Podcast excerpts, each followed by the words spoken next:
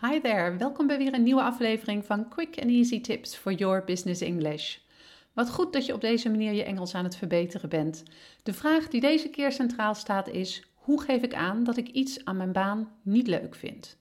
Misschien heb je een verschrikkelijke baan, maar het kan ook dat je een ontzettend leuke baan hebt. Er zijn vast sowieso taken te bedenken die wat jou betreft beter overgeslagen kunnen worden. Taken die je het liefst zo lang mogelijk uitstelt of taken die je maar al te graag uitbesteedt aan een collega. Of misschien zijn er andere aspecten van je werk die je irriteren, zoals bijvoorbeeld de werksfeer. Hoe kun je zoiets nou goed aankaarten in het Engels? In deze podcast hoor je de antwoorden daarop. Mijn naam is Anneke Drijver van Improve Your Business English en de auteur van het boek Master Your Business English: Communicate with Power in 7 Simple Steps. Ik help ondernemers en doelgerichte professionals van hun middelbare school Engels af, zodat ze ook internationaal met impact en vol zelfvertrouwen in het Engels kunnen communiceren.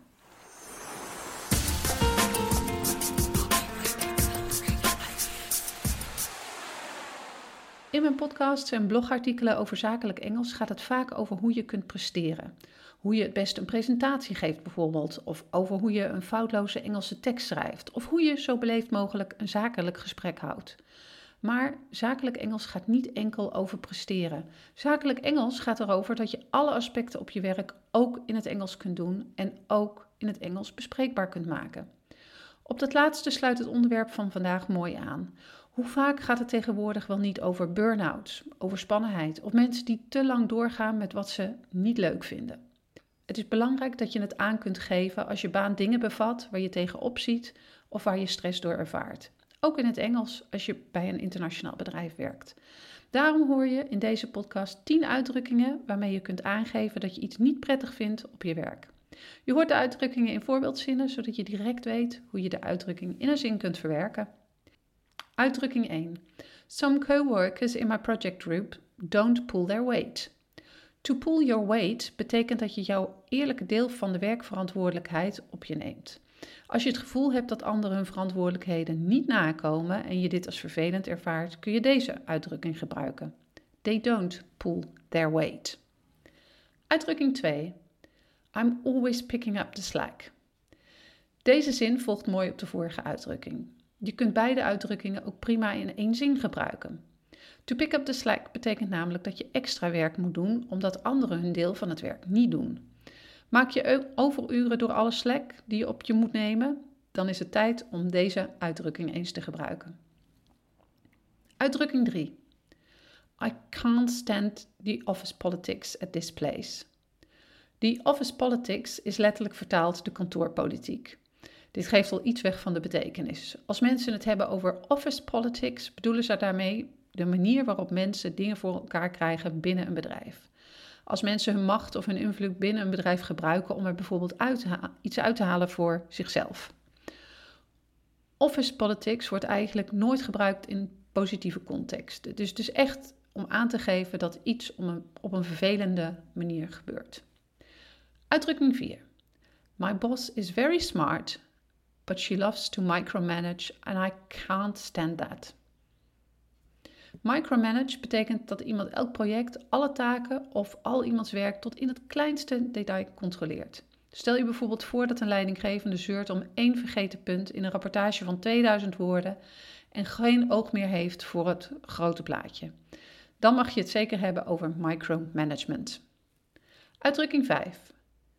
I feel like I'm spread too thin. Je hebt vast wel eens een keer gehad dat je een broodje probeerde te smeren met het allerlaatste restje broodleg. Het gevolg? Er moest veel te weinig smeersel op een veel te groot oppervlak, waardoor je er helemaal niet meer van kunt genieten. Of in ieder geval een stuk minder dan als het broodje kleiner was geweest of er meer beleg was geweest. Als iemand zegt I'm spread too thin, bedoelt diegene dat zijn of haar taken te veel zijn. Er zijn te veel verantwoordelijkheden voor maar één persoon. Soms probeer je te veel dingen tegelijk te doen of heb je ja gezegd tegen te veel projecten. Vervolgens belemmert dat je, want je kunt daardoor aan geen enkele taak genoeg aandacht geven. Dan kun je zeggen: I'm spread too thin. Uitdrukking 6. It seems like every job I've been given the last three weeks need to be done yesterday. Als je een taak hebt die heel urgent is, wordt wel eens gezegd: It needs to be done yesterday. Hiermee wordt bedoeld dat het zo snel mogelijk af moet. Als de tijd, bij wijze van spreken, kon worden teruggedraaid, had het gisteren al af moeten zijn. Je kunt deze uitdrukking gebruiken als je het lastig vindt om deadlines te halen of als je het gevoel hebt dat je veel te weinig tijd krijgt om zaken te regelen voor een deadline. Uitdrukking 7. It seems like the only way to move up the ranks is making 60-hour work weeks. Ervaar je moeilijkheden met de mogelijkheden die er binnen jouw bedrijf zijn om promotie te maken, om door te schuiven naar een hogere positie binnen de hiërarchie of om meer autoriteit te krijgen? Dan kun je de uitdrukking to move up the ranks gebruiken. Een andere uitdrukking waarmee je eigenlijk precies hetzelfde zegt is to move up the totem pole. Uitdrukking 8. I don't know what has changed, but the job just doesn't feel rewarding anymore. Haal je geen voldoening meer uit een bepaalde taak? Levert het je voor je idee niets op? Of voel je je er niet meer zo goed door als je eerst deed? Dan kun je de term rewarding gebruiken. Dit betekent voldoening of tevredenheid. Als iets niet rewarding is, geef je aan dat je er niet veel meer uithaalt. Uitdrukking 9. I love my tasks, but the salary leaves a lot to be desired.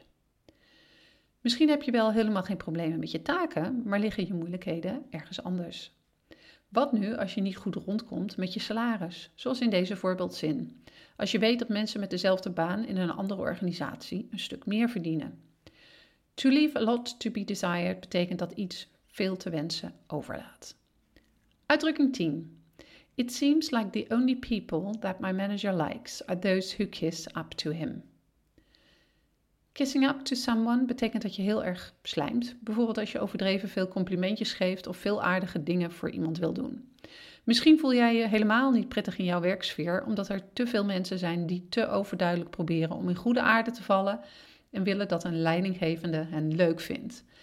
Dan kun je de uitdrukking kissing up to someone gebruiken. Een andere uitdrukking met een soortgelijke betekenis is buttering someone up.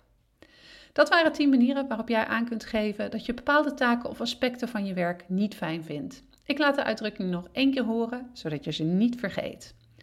To pull your weight. To pick up the slack. Office politics. To micromanage. To be spread too thin. It needs to be done yesterday. To move up the ranks of to move up the totem pole. Rewarding. It leaves a lot to be desired kissing up to someone of buttering someone up.